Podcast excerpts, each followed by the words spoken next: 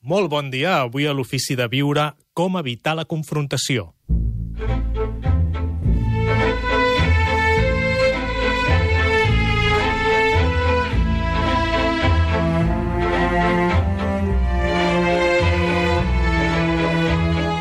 Gaspar Hernández, l'Ofici de Viure.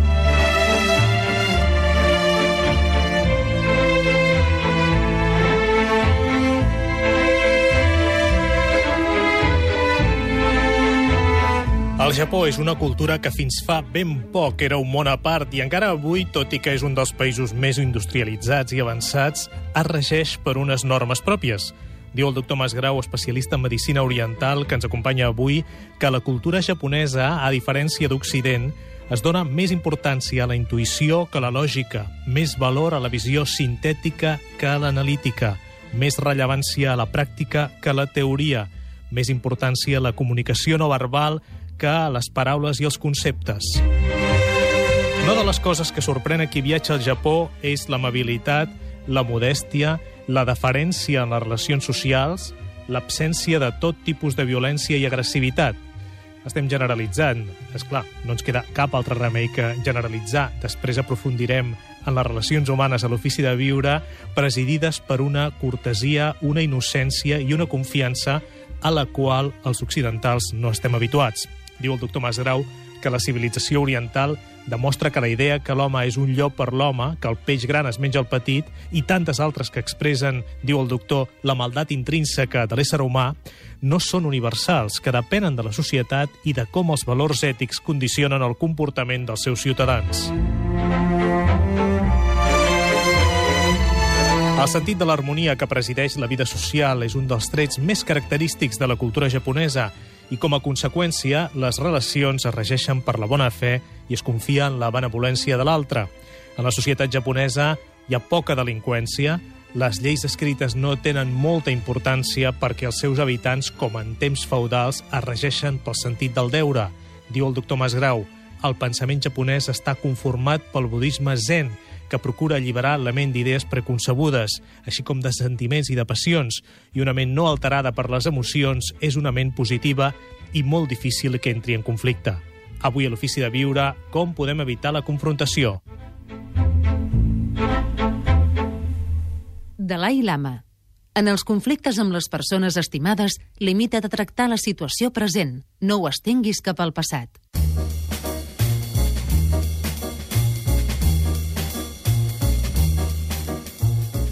Raquel Bouso i sóc professora de Pensament i Religions d'Àsia Oriental a la Universitat Pompeu Fabra.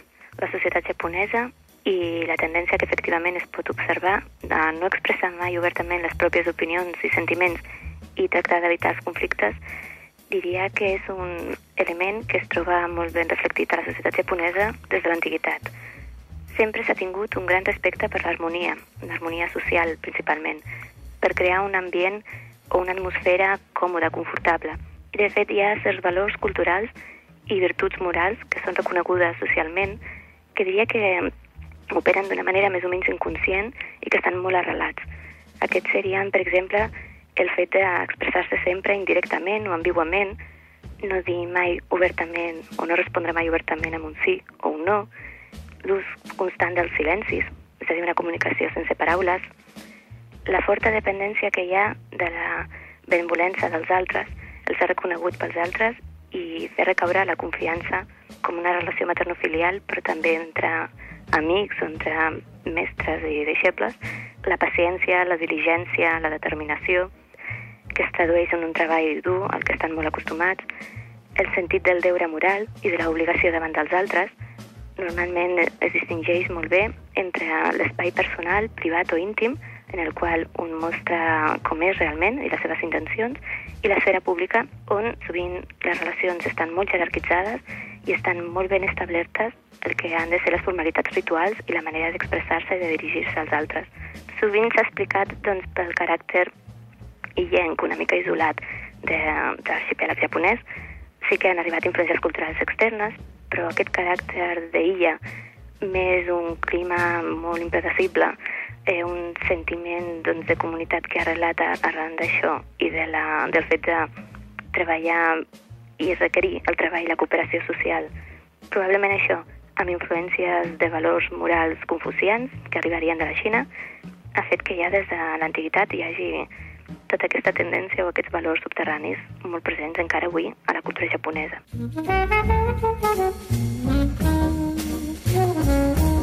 Doctor Miquel Masgrau, benvingut, molt bon any. Hola. Què tal? Bon any. Com prova? Molt bé, molt bé. Uh, cuidant l'alimentació? Cuidant- Això serà a partir d'ara, no? No, de fet, s'ha de cuidar tot el temps, sí. El, ja no és el que era el Nadal.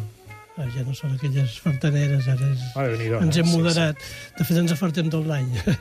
Mengem massa bé per poder fer aquests accessos. Saludem Guillermo Martínez. Guillermo, què tal? Benvingut. Moltes gràcies. Guillermo Martínez és doctor en Història Contemporània, Estudis Asiàtics, investigador de l'economia i la política i la cultura del Japó. Actualment treballa a la Casa Àsia com a coordinador del Departament d'Economia i Empresa.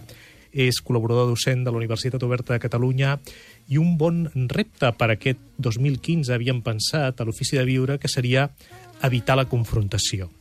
El tema d'evitar la confrontació, parlem evidentment dels, de l'àmbit eh, individual, de l'àmbit personal, en les relacions interpersonals.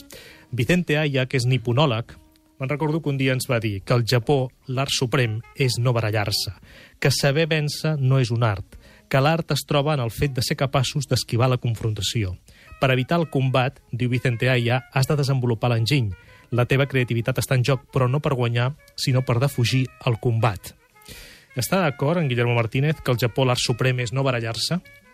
Efectivament, compartiria aquesta visió i no tan sols eh, la compartim aquells que coneixem més el país, sinó que tothom que ha estat eh, algun cop al Japó veu que al darrere d'aquesta no confrontació hi ha una harmonia social que ens sobta moltíssim i que tothom aprecia. Sí, en doctor Masgrau Sí. va, estar, va, va ser-hi al Japó. Eh? Sí, ara fa, Fa poc poc. ser, sí. I què tal? Bé, bé, però jo no diria que, el, que, el, que sigui un art a la vida de la confrontació. És, És el pa de cada dia. mm, sí, és un fet natural, diguem. Sí. És, és, és això el que fa de, del Japó interessant. O sigui, no, no, no, no és una resistència al conflicte, sinó que no hi ha conflicte. No, no té per què haver-hi conflicte. El que és estar és que hi hagi un conflicte. Clar, és a dir, aquí quan veiem, per exemple, en un col·lapse de trànsit, no? això ho veiem molt a, a les ciutats, a Barcelona, per exemple, no? allò ja de, de seguida ja un li està dient el nom del porc a l'altre, no? s'estan insultant, això allà al Japó no passa. No, el- l'ordre social, les maneres personals, ens sobta moltíssim, ens atreu, ens preguntem el per què. La realitat és que ens agradaria tenir-ho aquí, però al darrere hi ha tot un, un seguit d'explicacions eh, que no són tan senzilles i que... I que no ens avui- agradaria tant tenir aquí. No? Efectivament, hi ha una altra cara, hi ha una altra cara. Sí, però sí que és veritat, per exemple, però clar, hi ha moltes lliçons que, que podem aprendre, no? L'agressivitat. L'agressivitat es considera encara avui al Japó, diu el doctor Masgrau, una debilitat. I els nens a l'escola miren amb desconcert el company que s'enrabia, que crida, com, com si patís un trastorn. Eh? Exacte. Exacte. És, és aquí, és, és que el, és de- d'arrel que està l'agressivitat, està radicada. O sigui, és com una cosa de mala educació, una cosa mal feta, mal vista, no, eh, fora de lloc, és una debilitat. O sigui, el que aquí, de fet, és una demostració de força, i, de fet, aquí els nens aconsegueixen molt amb, la, amb, la, amb, la, amb les rabietes, amb les... com li diuen? Amb les... Sí, amb una picabaralla. Sí, sí. bueno, no, cridant i, i enrabiant-se, aconsegueixen molt el que volen al Japó, no? El Japó no no és la manera i ni ho ha sigut mai. No, el que és important assenyalar és que no és tan sols aquestes accions violentes o la confrontació, sinó tan, també l'estira i arronsa per prendre decisions quotidianes també s'evita, perquè això podria afectar negativament el que són les relacions interpersonals i això afectaria a un dels principis fonamentals de la cultura japonesa i que al darrere tens el confucianisme i també el budisme, que és l'harmonia social. Però si entre vostè i jo hi ha una discrepància, llavors què fem? És, és difícil, llavors hem de mirar a la jerarquia. I és aquí on els límits una mica de la llibertat eh, ens suposaria un entrebanc, un problema per a qualsevol català o altra persona que Però siguis. tampoc hi ha un autoritarisme en la jerarquia. Sigui, Ningú imposa a l'altre, en principi. Està, Sí, està acceptat per tothom que aquesta jerarquia està sí. present i que s'ha de respectar, perquè va... És, eh, diguem que les conseqüències d'aquesta jerarquia són bones per tothom. Exacte. O sigui que, el, cent- de fet, el, jo crec que el, la clau està en que el centre on pivota la, les relacions humanes no està en l'ego, no està a l'individu, sinó que està fora, està en el grup. Llavors, amb la mesura que tothom busca el bé, el bé comú, el bé del grup, no hi ha tantes possibilitats de- d'enfrontament com aquí, que es busquen interessos personals. Sí, la clau en aquestes relacions inter interpersonals és precisament l'empatia, eh, la benevolència, és a dir, la bona relació, l'afavorir a l'altre. I això fa que aquesta jerarquia sigui respectada perquè en realitat eh, et tornarà en benefici propi, Clar que és pel bé de la comunitat. efectivament. Sí, aquí podríem veure com un punt dèbil el fet que la persona, l'individu, tingui poc pes o menys pes que a Occident, però també és veritat que aquí l'ego està desbordat. És a dir, aquí mai com ara en la història s'havia donat tanta importància al jo, eh? a, l'ego. I, I allà queda més diluït. I a més, és un, el jo d'aquí és un jo emocional. O sigui, quan els japonesos, quan volen dir que... Nosaltres, quan volem assenyalar-nos nosaltres mateixos, ens assenyalem el pit, el cor, diguem, no? El centre del, de l'organisme. I els japonesos s'assenyalen la punta del nas, que és la, la part més llunyana del cor, per dir d'alguna manera. És a dir, no, no té res d'emocional el jo japonès.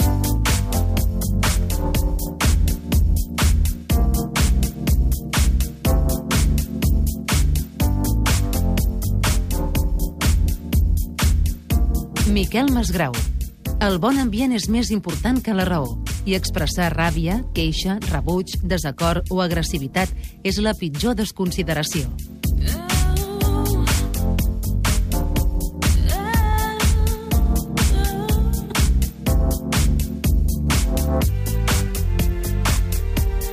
Avui evitar la confrontació, l'ofici de viure de Catalunya a ràdio, basant-nos en la cultura japonesa, com ho fan. Dèiem en començar que l'art suprem és no barallar-se al Japó, segons Vicente Aya.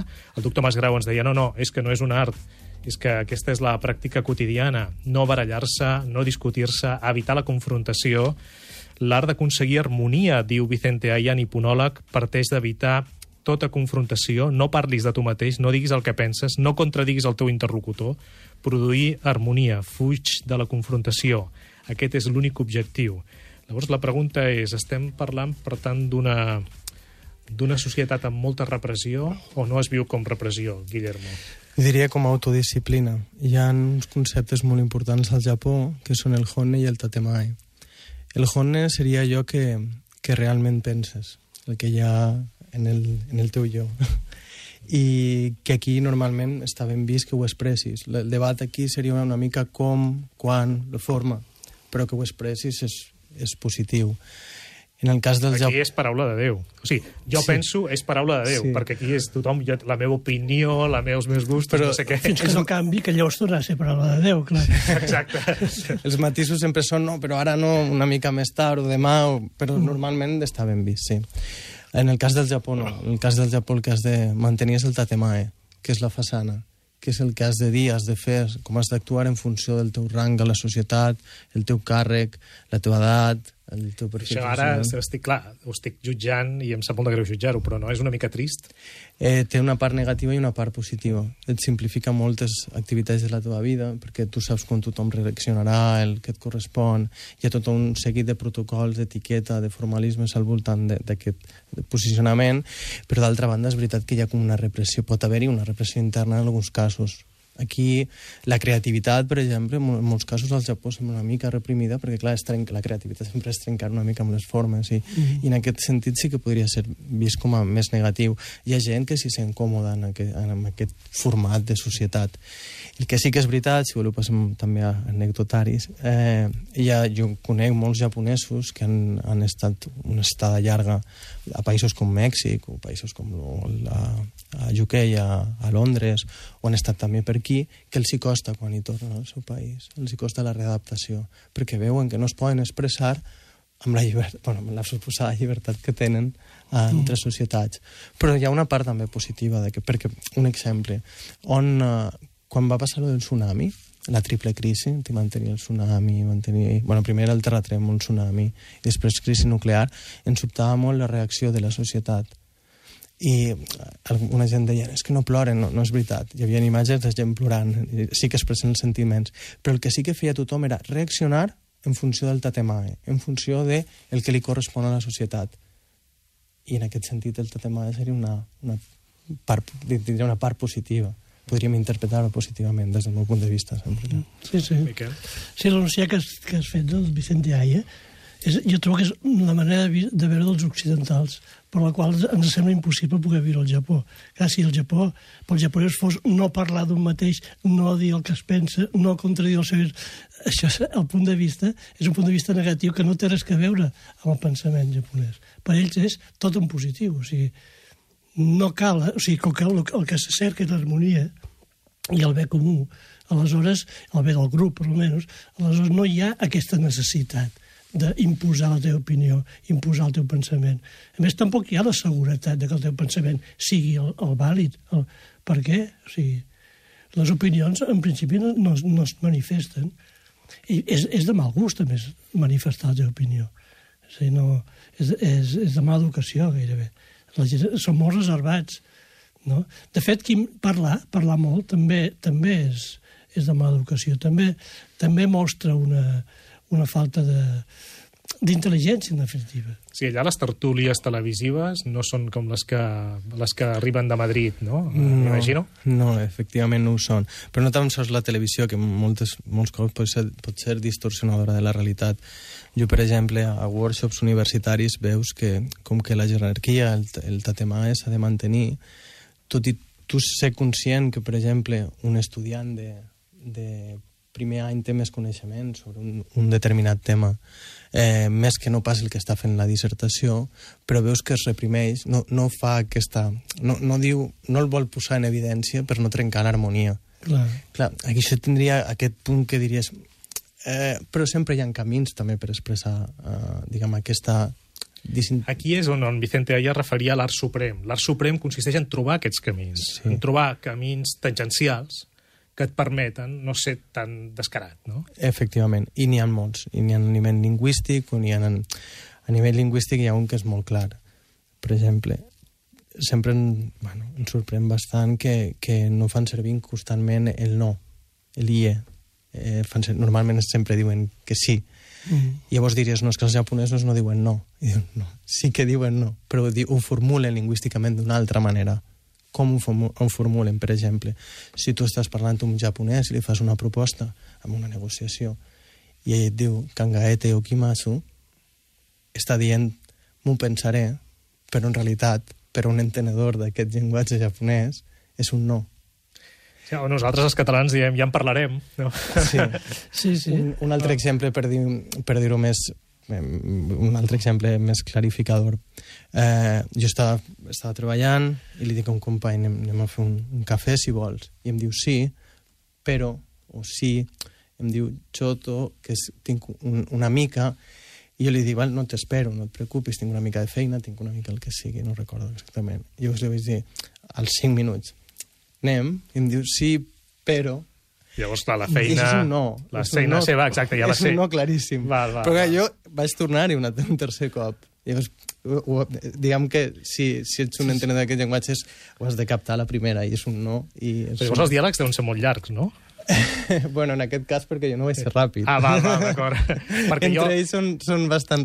El que conec és la literatura japonesa, no? Sí. I tampoc veig els diàlegs tan llargs. No, no, no, Sí, no. sí. en aquest va, vaig, va ser llarga per culpa meva. Fins i tot ara, aquesta vegada que vaig estar, vaig anar a un restaurant, cosa que no s'ha de fer mai, no, no es pot fer res improvisat.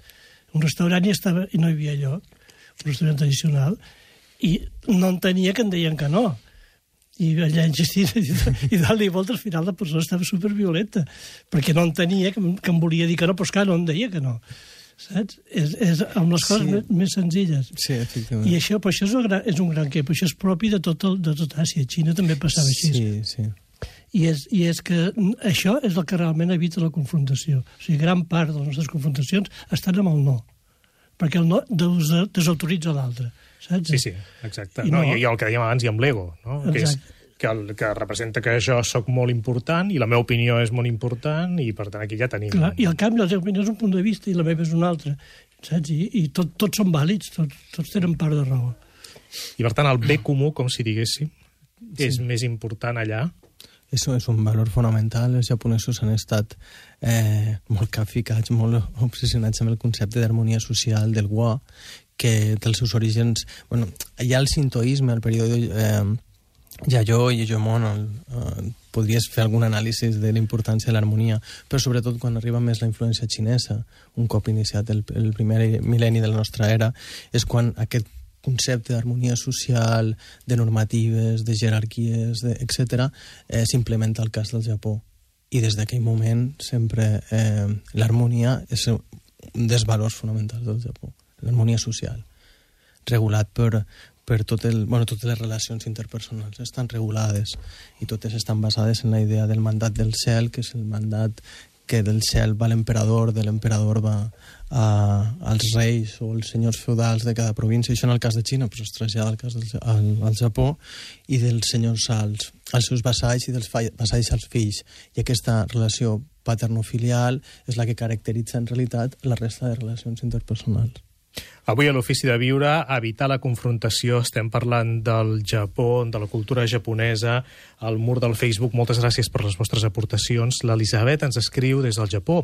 Diu, fa sis anys que hi treballo al Japó i puc dir que és cert que els japonesos, com a tret cultural, eviten la confrontació, però també són molt passiu-agressius, diu, a les seves relacions. Eh?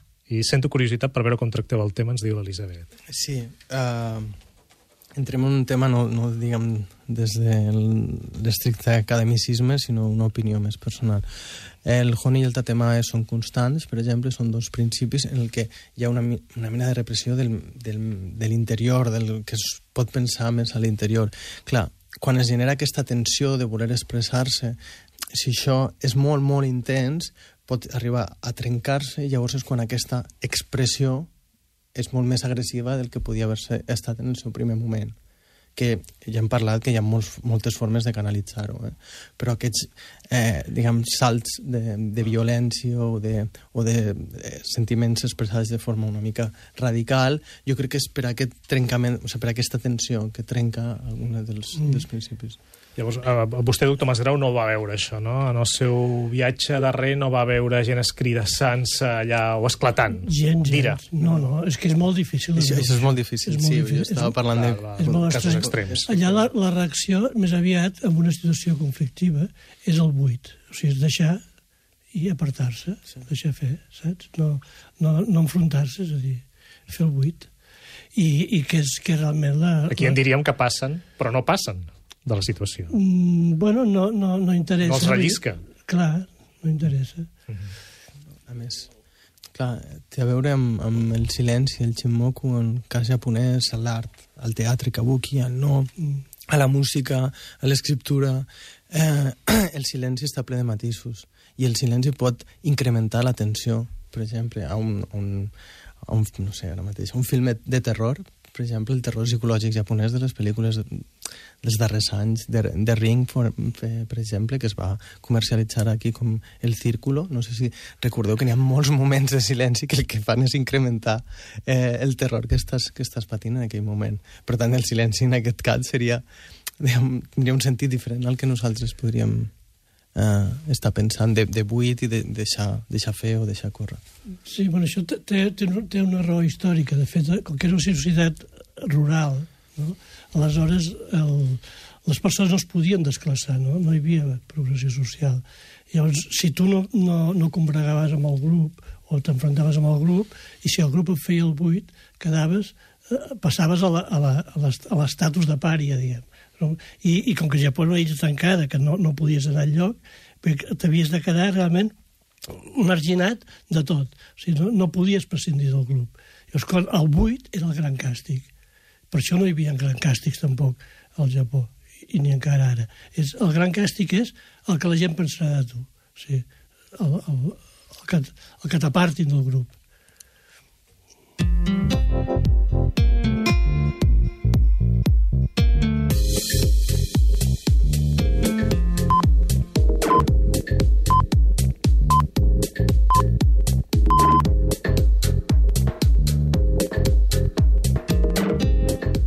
11.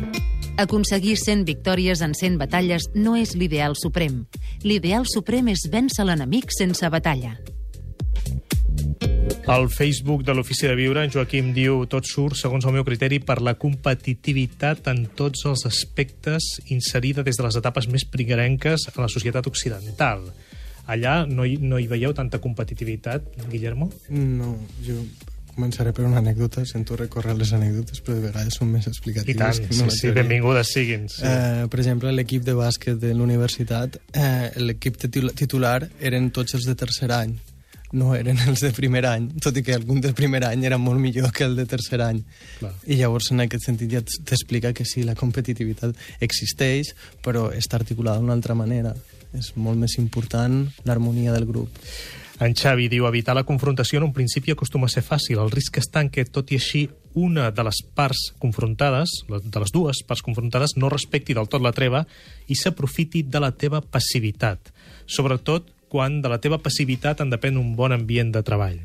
Clar, això sí que és molt occidental. Aquí nosaltres ho veiem com a passivitat i allà mm, difícilment no crec no? que puguem generalitzar que algú s'aprofita sistemàticament del fet que l'altre les entoma a totes. No, no? No, perquè està tot el grup, eh, tot el que és l'UCI, tots els que formen part del grup, estan pendents d'aquest tipus de relació. Si algú s'està aprofitant, està trencant l'harmonia. I llavors algú, una altra part del grup miraria de, de retornar aquesta harmonia.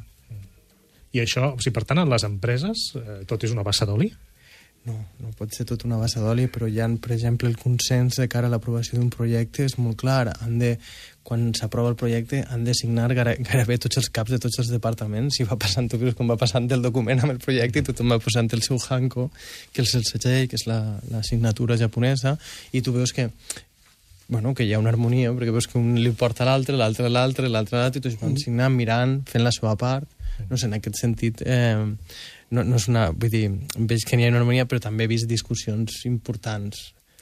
La Sabina diu, uf, diu, jo em passo la vida confrontant. Diu, em fa mal, però sempre hi som.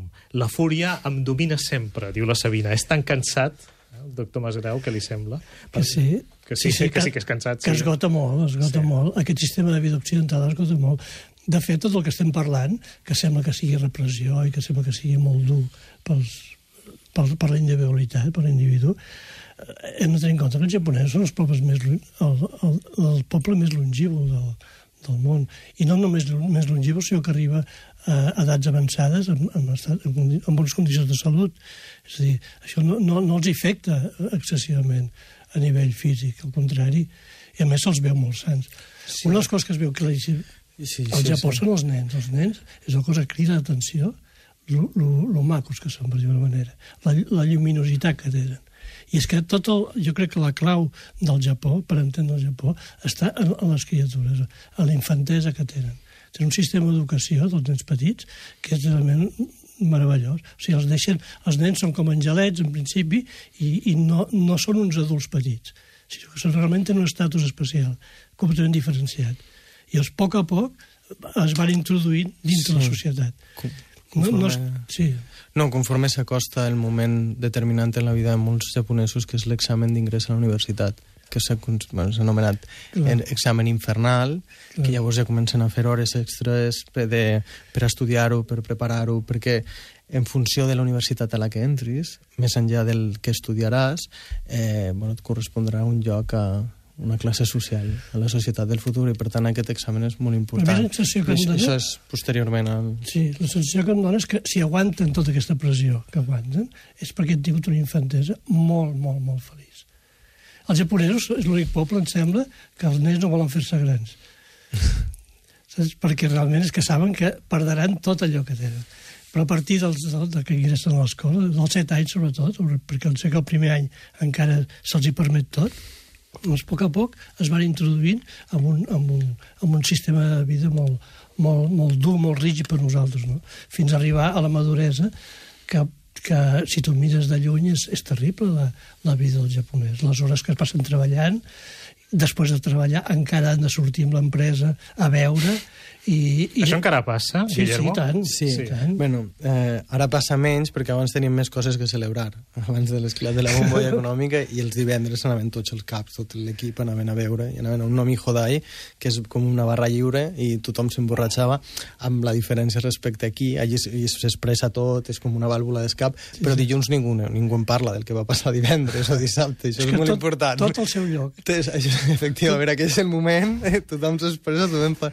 I llavors dilluns s'ha de tornar al... Però és veritat que ara estan canviant les coses. Qualsevol japonès que, que estigui analitzant seriosament la seva societat et dirà sí, però estan canviant les coses. La pregunta llavors seria, però quin ritme, en quin percentatge? És veritat, est estan canviant, llavors hauríem de veure en cada un de, de les temàtiques que estem parlant com ha canviat, com està canviant els darrers anys. Sí, per exemple, una de les coses que hem tractat en aquest programa és que la tradició zen, de la qual ens en parlava la Raquel Bous o en començar, i de la qual també n'ha parlat a l'Ofici de Viure, doncs sembla com si estigués perdent pes. Eh? En canvi, aquí en guanya. Aquí, però aquí ja és una caricatura. Sí, i allí guanya l'individualisme. Per, per una, però també a una part de la societat, a un jovent determinat, a un jovent d'unes ciutats determinades, és a dir, està limitat. Els canvis es produeixen, però de, de forma molt lenta.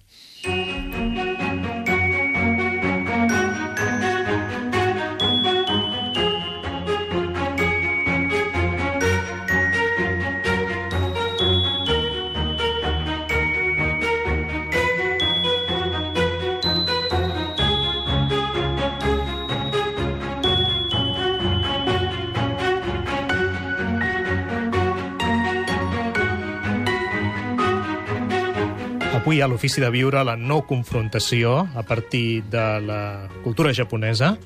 La Marta diu al Facebook de l'Ofici de Viure tot depèn del que entenguem per confrontació, perquè manifestar idees i defensar-les penso que és més sa, diu la Marta, que no pas no fer-ho. Bé, aquí ja tornem, és que ens costa molt. Clar, nosaltres Per ho vivim occidental és així, clar, Sí, sí, evidentment. sí. Sí, sí, jo ho entenc. La Dolors diu, doncs jo parteixo de la base que dos no es barallen si un no vol. Aquí estem d'acord, no? això? La conclusió és que qui vol brega, per dir-ho d'una manera, ho fa des de la ràbia, sense pensar quines conseqüències tindrà vers l'altra persona, sigui passiva o activa. I aquí és on entra la raó. Si contestes aquesta passivitat des de la raó i de tot cor, diu, no hi haurà confrontació, és així de clar. El que vol no trobarà si l'altre ho raona amb calma, amb raó des de la veritat i sense agressivitat. És automàtic i jo ho he comprovat, ens diu. I el doctor Masgrau ens parla de la importància del silenci que ja ha anat sortint en aquest programa, del silenci que crea harmonia, que evita conflictes, que el que està mal considerat, com dèiem abans, és parlar massa, especialment si es manifesten les opinions o idees d'un mateix amb rotunditat, per evitar tota la possibilitat de confrontació i intimidar els altres. I exhibir coneixements fa mal efecte? Perquè diu el Miquel Masgrau que és de vegades signe de mala educació i d'immaduresa. Sempre. Sempre. De teus o, o, de, o, de, o dels teus, vull dir. I aquí en diríem, segons de qui ho digui, diríem que és un pedant, no? Però... Ai, No, allà no, no, mai, mai, mai s'ha de presumir de res, diguem. Al contrari, la humilitat, la discreció, és la virtut, és la virtut molt, molt, molt ben valorada, diguem. Sí, de fet, eh, una frase feta molt recurrent és eh, el clau que sobresurt ha de ser colpejat. de martell. Efectivament. Eh, sí, perquè no, de, no cal destacar sobre el grup. El Mm. que ho fas, ho fas pel col·lectiu. Eh, I si ho fas bé, et retornarà. No necessites Sí, destacar respecte a la resta. Això es nota molt amb el camp de la medicina, que aquí, que aquí a Occident una mica el metge més, més bo és aquell que es publicita més, que cura tot i, i té, té molts, molts èxits. A Orient, a Xina també, el, el, la medicina és molt, molt discreta, molt discreta.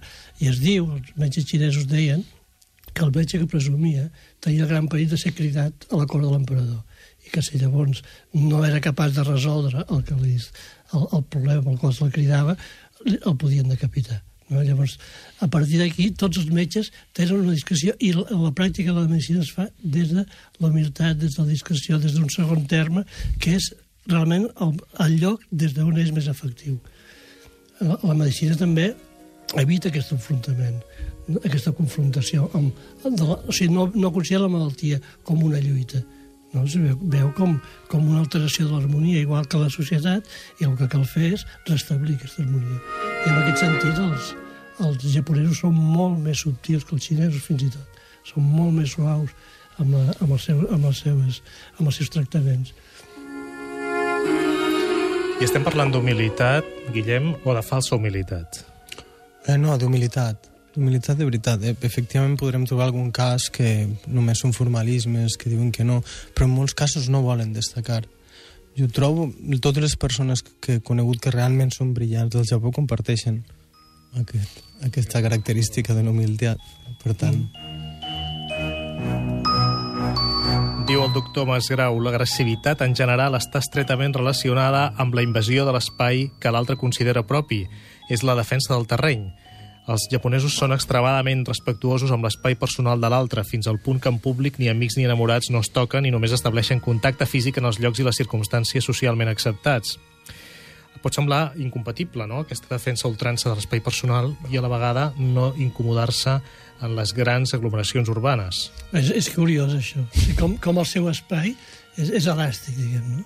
Amb, amb, amb, amb, amb camps oberts, diguem, no es toca, no, és molt mal vist tocar-se. És la reverència, la, el somriure, però, al canvi, són capaços de ficar-se, enxuvar-se en un metro allà, que, no, que pràcticament no cap ni... Bueno, ja sabeu que hi ha aquells que, que, que empenyen des de fora, i al canvi estàs a dintre i no tens sensació de contacte humà. O sigui, és com si el seu camp. No hi ha presència allà, de, dels cossos. És, és molt curiós. No, no, no hi ha contacte, tot i estar en contacte. No? La seva relació amb el cos, amb el seu espai, és completament diferent a la nostra. I en Guillem, quan hi va, com ho porta això?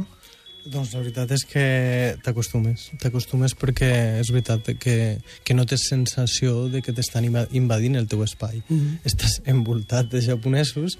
A més, tothom evita mirar-te perquè no deixes de ser un estranger, etc.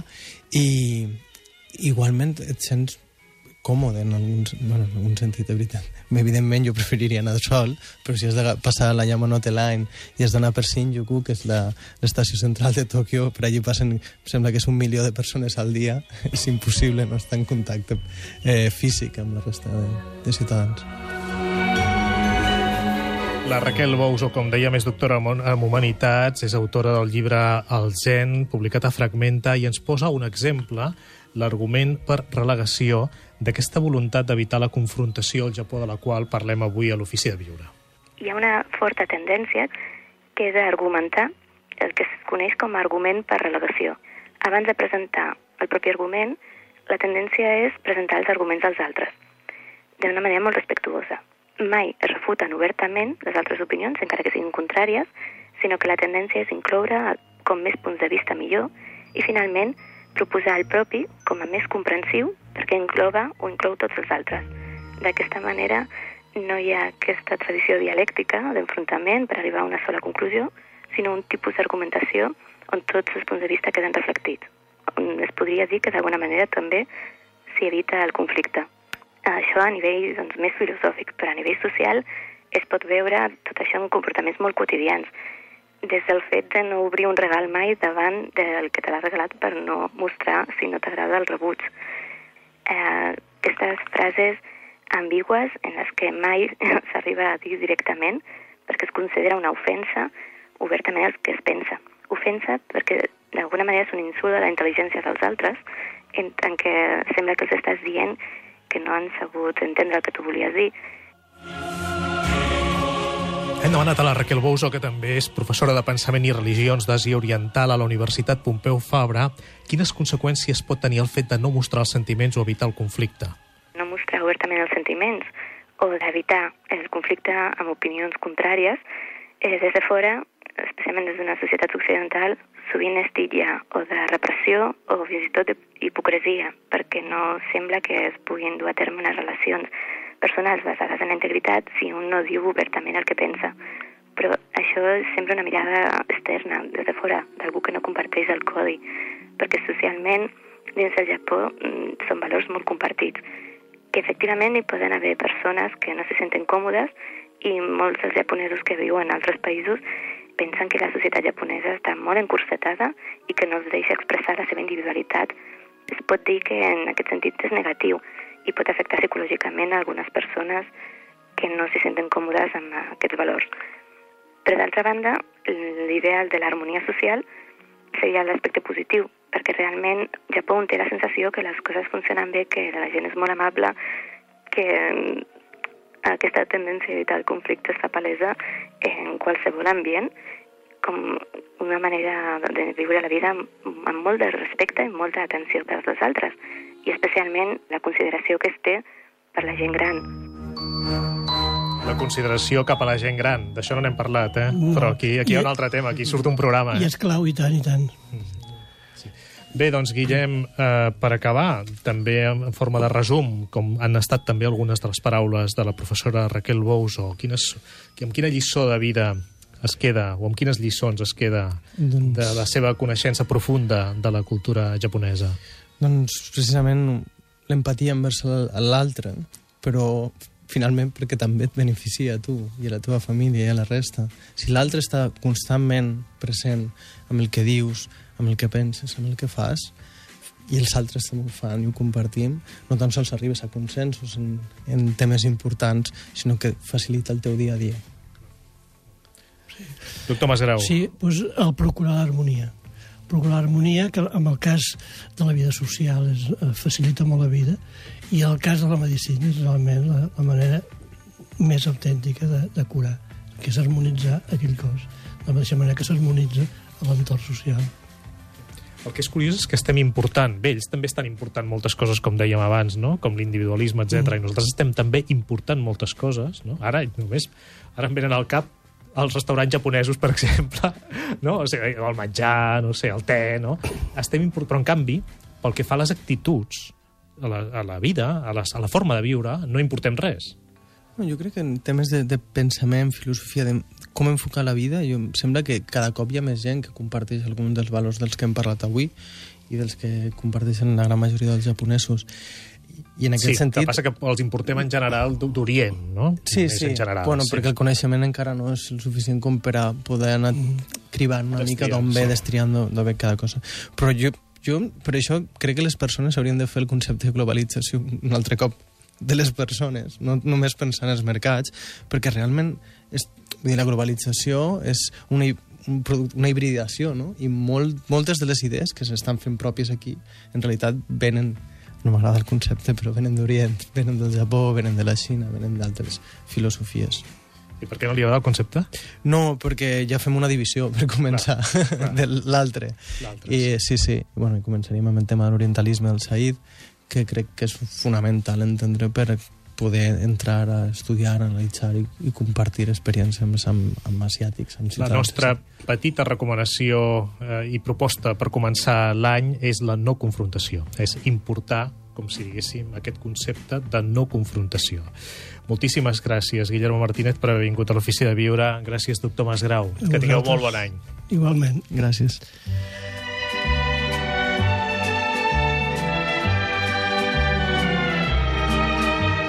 Sovint ens preguntem a l'Ofici de Viure si els mitjans de comunicació estem millorant o estem empitjorant la societat.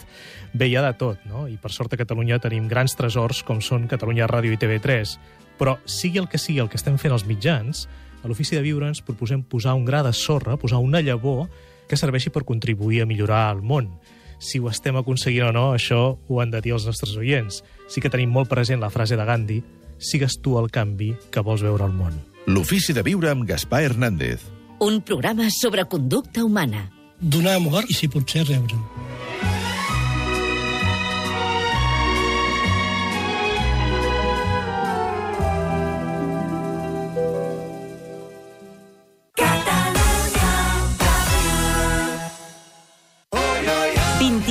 Temes dignes d'un festival de música catalana. Des del millor de Mishima, els Amics de les Arts o Manel, passant per Joan Dausà, Cesc Freixes, La Pegatina i molts més. Emporta't amb el diari Ara Festival 2015.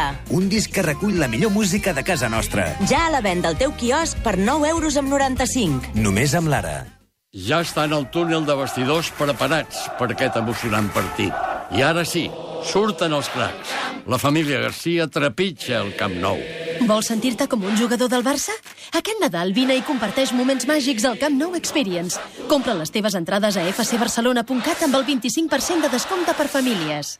Comencem un nou any ple d'il·lusions i bons propòsits, un dels quals estalviar més. I per estalviar no hi ha res millor que Hipercor. Tenim un 3x2 amb més de 1.500 productes i les millors ofertes en alimentació, llar, drogueria, regals... Així, si t'emportes 3 paquets de bolquers de Dot Activity Extra o Sensitive amb diversos formats, el paquet et surt a 14 amb 99 euros. Torna a estalviar a Hipercor i a hipercor.es. 21 21 temes dignes d'un festival de música catalana. Des del millor de Mishima, els Amics de les Arts o Manel, passant per Joan Dausà, Cesc Freixes, La Pegatina i molts més. Emporta't amb el diari Ara Festival 2015. Un disc que recull la millor música de casa nostra. Ja a la venda al teu quiosc per 9 euros amb 95. Només amb l'Ara. Catalunya Ràdio.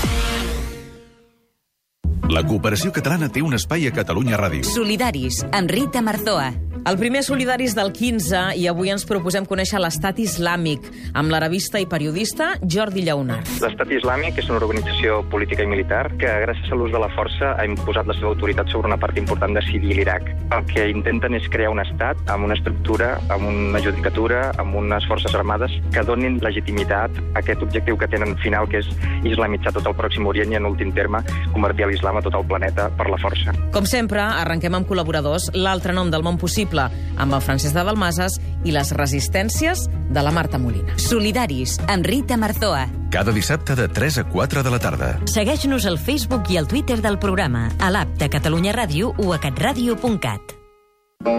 A l'Afganistan, moltes dones pateixen abusos insuportables. Fàtima deia que la seva sogra li feia la vida impossible, li va dir un dia et cremaré, no? I ella li va contestar no pateixis que ja em cremaré jo sola. I la Fàtima es va cremar. Es va calar foc per cridar l'atenció sobre la seva situació de, de violència que patia, però clar, amb la roba i amb els cabells de seguida les flames s'escampen ràpidament. Dones, Women, Afganistan, amb la periodista Mònica Bernabé.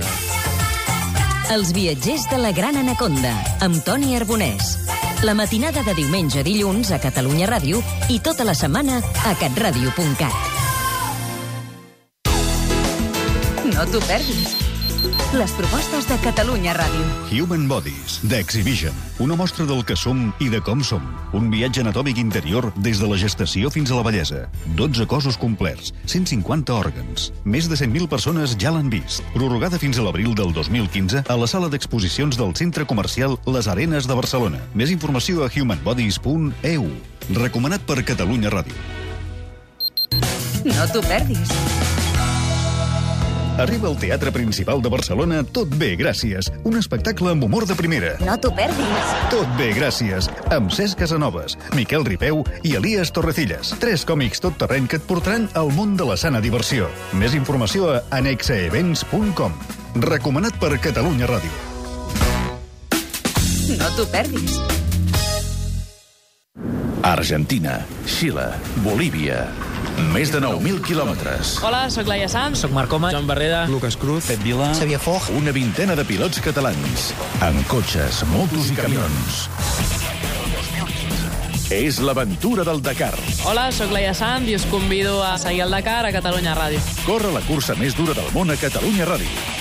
Amb cròniques diàries i connexions de l'enviat especial Sergi Andreu des del matí de Catalunya Ràdio al Club de la Mitjanit. Segueix l'aventura del Dakar 2015 a Catalunya Ràdio.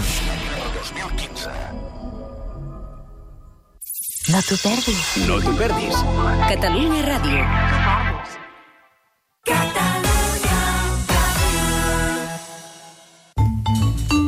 L'ofici de viure. Un programa sobre conducta humana.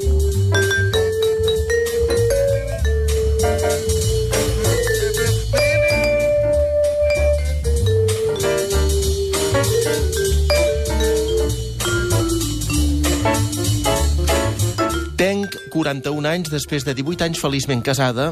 El meu home va dir-me que no sabia què sentia per jo. Van passar moltíssimes coses, entre d'altres fer teràpia de parella, quan finalment vaig decidir demanar-li el divorci, veient que no anàvem enlloc un any després que marxés de casa. Curiosament, el mateix dia que signava el conveni regulador i donava per finalitzada una dura etapa de la meva vida, vaig conèixer ell. Vam començar una relació principalment virtual, perquè ens vam conèixer pràcticament per telèfon i entre WhatsApp i WhatsApp, al cap d'un mes vam decidir que ens havíem de conèixer en persona. Ens vam agradar, sé que va ser mutu, i vam iniciar una relació que no sé ben bé com definir-la. Vivim en ciutats diferents i ens anàvem veient els caps de setmana. Després d'uns mesos vaig voler clarificar el que érem i ell va ser molt sincer i honest. Quan em va conèixer jo, ell sortia d'una relació molt tòxica però molt intensa. Ara mateix tampoc no té tenia cap interès a formalitzar res. Jo no volia patir perquè ja ho havia fet prou amb el meu divorci. Vam estar tres setmanes sense dir-nos res. i ell em va telefonar per saber com estava. Com que jo estava morta de ganes de veure'l, vam quedar, a petició meva. El retrobament va ser fantàstic. Des de llavors ens anam veient més sovint, quedant per anar a sopar, cinema, excursions, però de la conversa inicial no n'hem tornat a parlar. Continuï sense saber què som, però no sé si realment ja m'importa o, o sí, visc el moment i aprofito els moments que ens regalam, però tenc por de patir. Què m'aconselleu?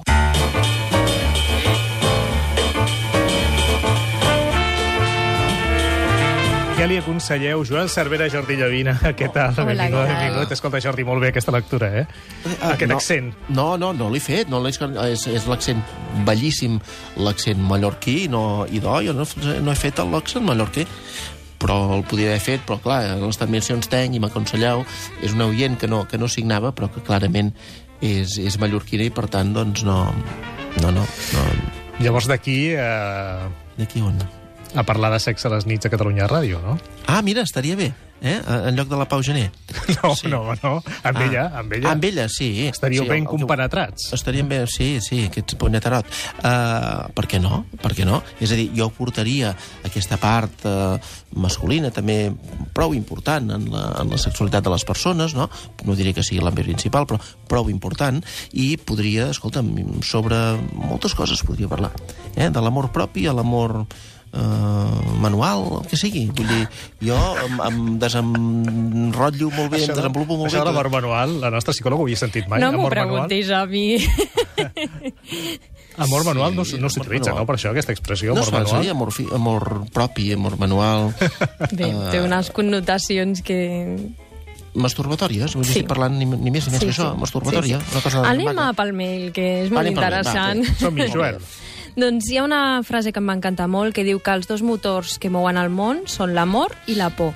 I aquest mail ens evidencia aquesta qüestió. Per mi, aquest, aquesta persona està moguda per la por i entenc que vivim en un moment cultural on res perdura, on la por és el caldo de cultiu per a relacions molt fràgils, amb poc compromís i amb una recerca activa doncs, d'un plaer, que en moltes ocasions doncs, està fonamentat en, en l'egoisme. I és que la manca d'aquestes certeses, que certeses fonamentals ens fan sentir fràgils, vulnerables i evitar potser una de les possibilitats. Evitar posar nom a, a quelcom ens, ens desangoixa o ens, ens evita eh, tenir cert compromís. El, el que a mi m'impactava és eh, viure contínuament en aquest pol de la por perquè hem patit. Llavors es comencen a fornir, a, for, a forjar eh, certes cuirasses perquè tenim molta por a patir i a patir per amor. Eh, aquesta por a la conversa, que és la que determina el que som o el que no som. Eh, jo només dic que per mi passar del pol de la por a, al pol de l'amor em va costar 3 anys, que va ser el temps que jo vaig escriure el meu llibre, i van ser 3 anys de fer-me preguntes. Evitar la pregunta no és una solució.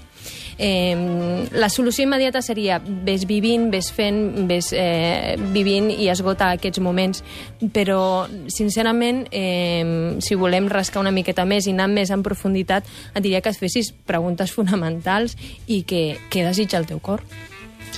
Mm, I puc afegir poc a tot això que dius. Deia Schopenhauer que el que no estima, el qui no estima és mort. Eh? I a mi em sembla, efectivament, que la frase clau d'aquest mail és tenc por de patir. I si tens por de patir, doncs no visquis no visquis directament. Jo, que generalment sóc bastant escèptic amb això de les relacions de parelles, que sempre dic, escolta, si d'entrada, de, de bon començament, veus que la cosa no, no, no, no apunta maneres, que, que no va bé, que més aviat sembla que la cosa hagi de fer molta pujada, jo ja no m'hi aventuraria, o sigui, per què has de perdre el temps? Però veig que aquesta noia n'està molt, i per tant, si n'està molt, vol dir que potser realment se l'estima, aquesta altra persona. I si realment se l'estima, eh, no vull dir que no es pugui permetre la por. La por no és una cosa que un es pugui permetre, no, és una cosa que es té o no es té, però que en tot cas el que sí que ens podem permetre és dur a les màximes conseqüències el fet d'estimar. Per tant, el desig. Què et diu el desig? El desig et diu que sí. Doncs tira milles. I sempre hi haurà temps de trobar un mur. Viure arroba catradio.cat. Joel Cervera, Jordi Llavina, moltes gràcies. Els oients també, una forta abraçada.